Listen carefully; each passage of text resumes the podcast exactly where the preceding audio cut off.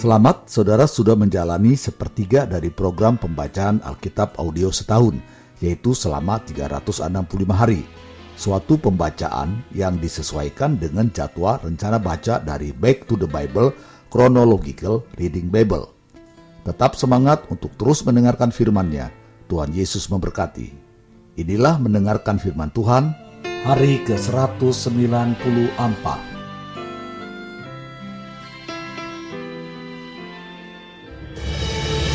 Dua Tawari pasal 27 ayat 1 sampai 9. Raja Yotam.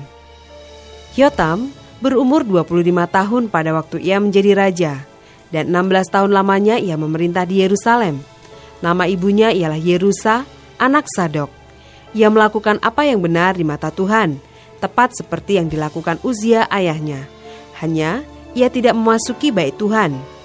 Tetapi rakyat masih saja melakukan hal yang merusak ia mendirikan pintu gerbang tinggi di rumah Tuhan dan mengadakan banyak pembangunan pada tembok Ovel. Ia mendirikan juga kota-kota di pegunungan Yehuda dan benteng-benteng serta menara-menara di hutan-hutan.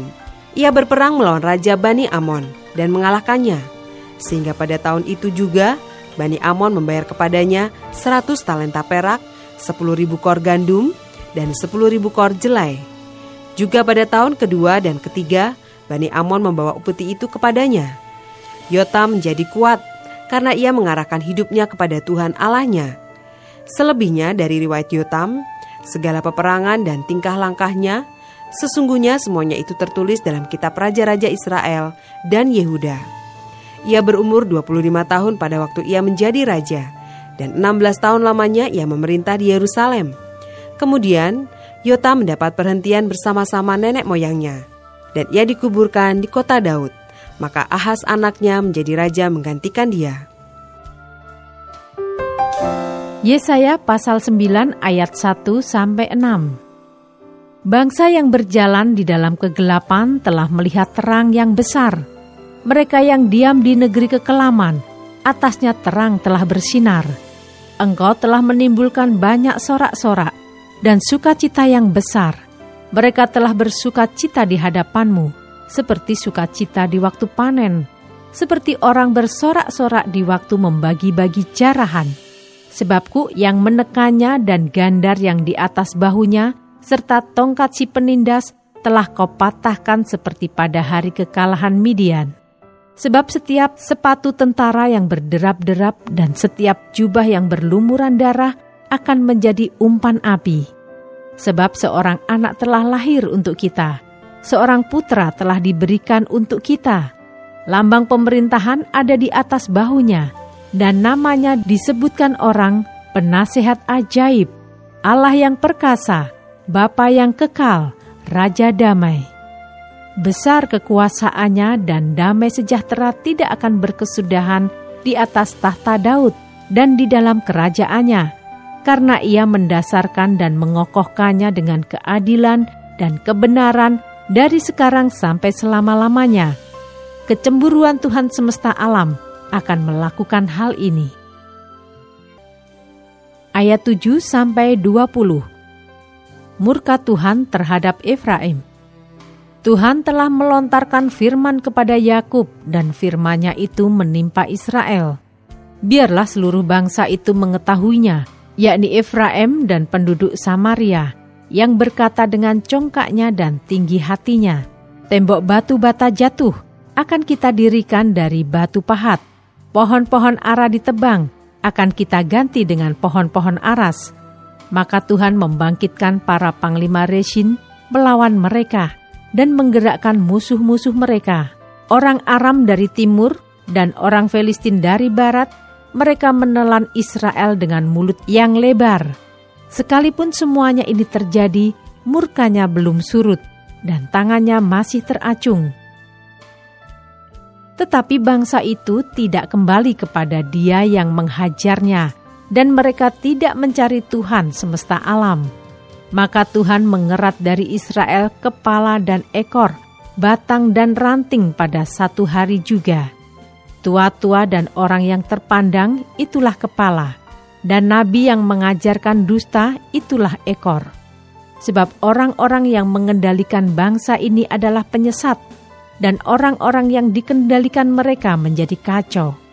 Sebab itu Tuhan tidak bersuka cita karena teruna-teruna mereka, dan tidak sayang kepada anak-anak yatim dan janda-janda mereka, sebab sekaliannya mereka murtad dan berbuat jahat, dan setiap mulut berbicara bebal.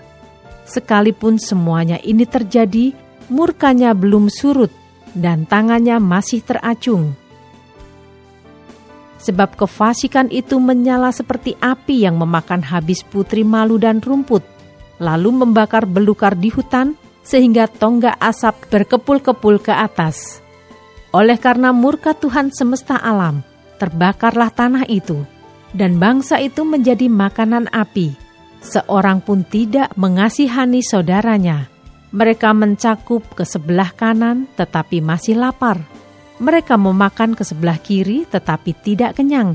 Setiap orang memakan daging temannya. Manasye memakan Efraim dan Efraim memakan Manasye dan bersama-sama mereka melawan Yehuda. Sekalipun semuanya ini terjadi, murkanya belum surut dan tangannya masih teracung.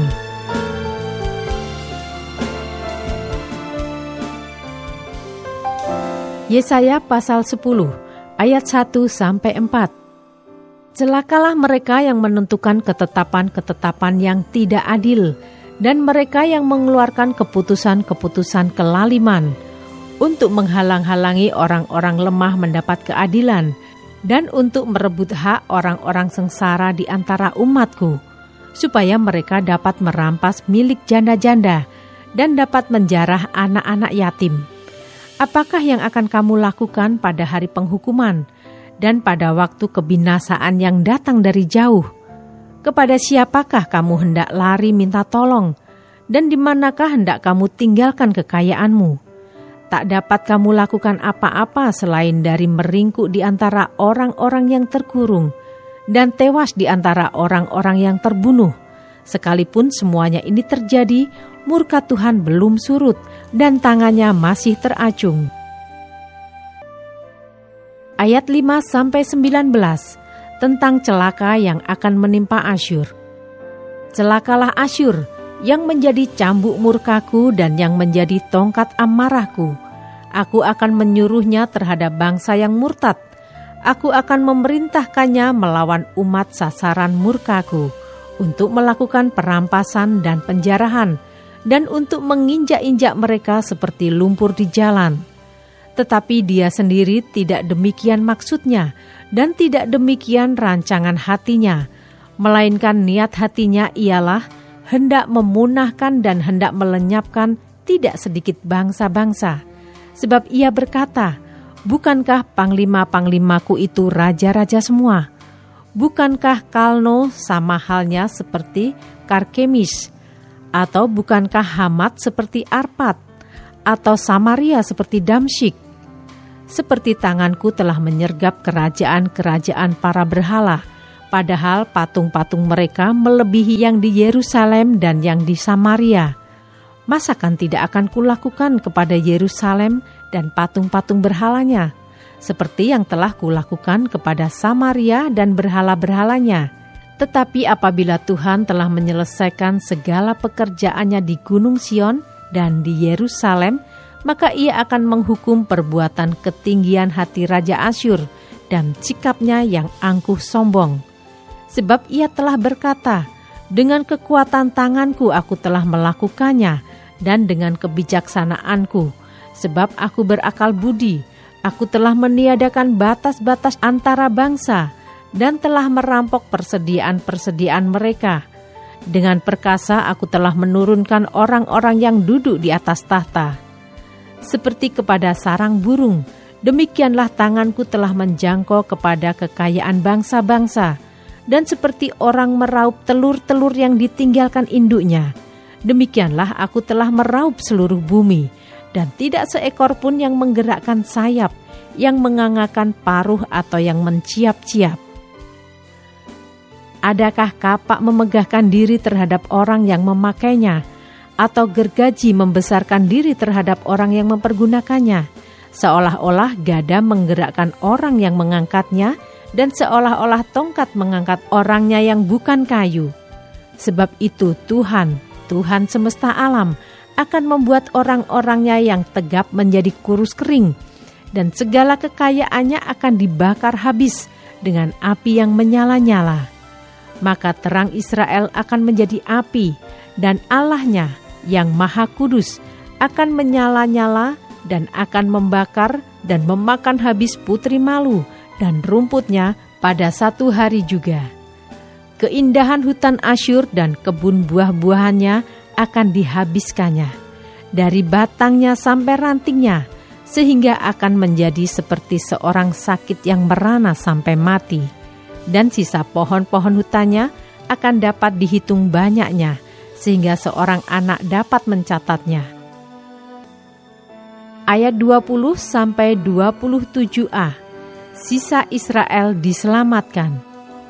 Tetapi pada waktu itu sisa orang Israel dan orang yang terluput di antara kaum keturunan Yakub tidak akan bersandar lagi kepada yang mengalahkannya, tetapi akan bersandar kepada Tuhan yang Maha Kudus Allah Israel dan tetap setia. Suatu sisa akan kembali, sisa Yakub akan bertobat di hadapan Allah yang perkasa Sebab sekalipun bangsamu, hai Israel, seperti pasir di laut banyaknya, namun hanya sisanya akan kembali. Tuhan telah memastikan datangnya kebinasaan, dan dari situ timbul keadilan yang meluap-luap. Sungguh, kebinasaan yang sudah pasti akan dilaksanakan di atas seluruh bumi oleh Tuhan, Tuhan semesta alam. Sebab itu, beginilah firman Tuhan – Tuhan semesta alam. Hai umatku yang diam di Sion, janganlah takut terhadap Asyur apabila mereka memukul engkau dengan gada dan menghantam engkau dengan tongkatnya, seperti yang dilakukan Mesir dahulu. Sebab sedikit waktu lagi amarahku atasmu akan berakhir, dan murkaku akan menyebabkan kehancuran mereka. Tuhan semesta alam akan mencambuk mereka dengan cemeti, seperti ia menghajar Median di gunung batu Oreb, dan mengayunkan tongkatnya ke atas laut Teberau, dan mengangkatnya seperti di Mesir dahulu. Pada waktu itu beban yang ditimpakan mereka atas bahumu akan terbuang, dan kuk yang diletakkan mereka atas tengkukmu akan lenyap. Ayat 27b sampai 34 Orang Asyur maju menyerang. Asyur telah muncul dari Rimon dan telah datang menyerang Ayat. Ia telah lewat dari Migron dan di Mikmas diaturnya perbekalannya. Mereka telah menyeberang dari jurang penyeberangan sambil berteriak, Geba tempat permalaman kita. Penduduk Rama gemetar, penghuni Gebia Saul melarikan diri. Keluarkanlah jeritanmu, hai putri Galim. Perhatikanlah, hai Laisha Jawablah dia, hei Anatot. Penghuni Matmena lari jauh-jauh, penduduk Gebim pergi mengungsi. Hari ini juga Asyur akan berhenti di Nob, mengacung-acungkan tangannya ke arah gunung Putri Sion, Bukit Yerusalem. Lihat, Tuhan, Tuhan semesta alam, akan memotong dahan-dahan pohon dengan kekuatan yang menakutkan, yang tinggi-tinggi tumbuhnya akan ditebang, dan yang menjulang ke atas akan direndahkan. Belukar rimba akan ditebas dengan kapak, dan Libanon dengan pohon-pohonnya yang hebat akan jatuh.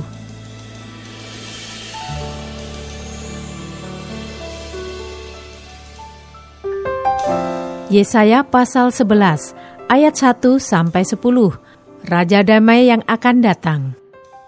Suatu tunas akan keluar dari tunggul Isai, dan taruk yang akan tumbuh dari pangkalnya akan berbuah. Roh Tuhan akan ada padanya, roh hikmat dan pengertian, roh nasihat dan keperkasaan, roh pengenalan dan takut akan Tuhan. Ya, kesenangannya ialah takut akan Tuhan. Ia tidak akan menghakimi dengan sekilas pandang saja, atau menjatuhkan keputusan menurut kata orang tetapi ia akan menghakimi orang-orang lemah dengan keadilan dan akan menjatuhkan keputusan terhadap orang-orang yang tertindas di negeri dengan kejujuran. Ia akan menghajar bumi dengan perkataannya seperti dengan tongkat, dan dengan nafas mulutnya ia akan membunuh orang fasik. Ia tidak akan menyimpang dari kebenaran dan kesetiaan, seperti ikat pinggang tetap terikat pada pinggang. Serigala akan tinggal bersama domba, dan macan tutul akan berbaring di samping kambing. Anak lembu dan anak singa akan makan rumput bersama-sama dan seorang anak kecil akan menggiringnya. Lembu dan beruang akan sama-sama makan rumput dan anaknya akan sama-sama berbaring, sedang singa akan makan jerami seperti lembu. Anak yang menyusu akan bermain-main dekat liang ular tedung, dan anak yang cerai susu akan mengulurkan tangannya ke sarang ular beludak. Tidak ada yang akan berbuat jahat atau yang berlaku busuk di seluruh gunungku yang kudus, sebab seluruh bumi penuh dengan pengenalan akan Tuhan, seperti air laut yang menutupi dasarnya. Maka pada waktu itu, Taruk dari pangkal Isai akan berdiri sebagai panji-panji bagi bangsa-bangsa. Dia akan dicari oleh suku-suku bangsa dan tempat kediamannya akan menjadi mulia. Ayat 11 sampai 16. Sisa-sisa Israel akan kembali. Pada waktu itu Tuhan akan mengangkat pula tangannya untuk menebus sisa-sisa umatnya yang tertinggal di Asyur dan di Mesir, di Patros, di Ethiopia, dan di Elam, di Sinear, di Hamat, dan di pulau-pulau di laut. Ia akan menaikkan suatu panji-panji bagi bangsa-bangsa, akan mengumpulkan orang-orang Israel yang terbuang, dan akan menghimpunkan orang-orang Yehuda yang terserak dari keempat penjuru bumi. Kecemburuan Efraim akan berlalu, dan yang menyesakkan Yehuda akan lenyap. Efraim tidak akan cemburu lagi kepada Yehuda, dan Yehuda tidak akan menyesakkan Efraim lagi. Tetapi mereka akan terbang ke barat, ke atas lereng gunung Filistin. Bersama-sama mereka akan menjarah Bani Timur. Mereka akan merampas Edom dan Moab dan orang Amon akan patuh kepada mereka. Tuhan akan mengeringkan teluk Mesir dengan nafasnya yang menghanguskan, serta mengacungkan tangannya terhadap sungai Efrat dan memukulnya pecah menjadi tujuh batang air, sehingga orang dapat melaluinya dengan berkasut. Maka akan ada jalan raya bagi sisa-sisa umatnya yang tertinggal di Asyur, seperti yang telah ada untuk Israel dahulu, pada waktu mereka keluar dari tanah Mesir. Yesaya pasal 12 ayat 1 sampai 6. Nyanyian syukur atas keselamatan. Pada waktu itu engkau akan berkata, Aku mau bersyukur kepadamu ya Tuhan, karena sungguh pun engkau telah murka terhadap aku, tetapi murkamu telah surut dan engkau menghibur aku. Sungguh, Allah itu keselamatanku. Aku percaya dengan tidak gemetar, sebab Tuhan Allah itu kekuatanku dan masmurku. Ia telah menjadi keselamatanku. Maka kamu akan menimba air dengan kegirangan dari mata air keselamatan.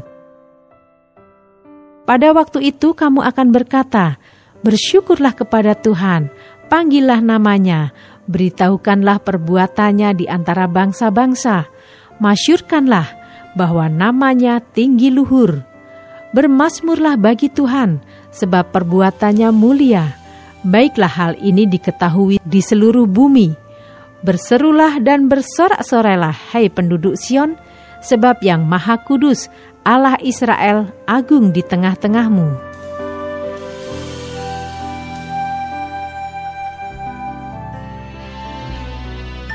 Tetap semangat, teruskanlah mendengarkan firman Tuhan. Sampai jumpa esok hari.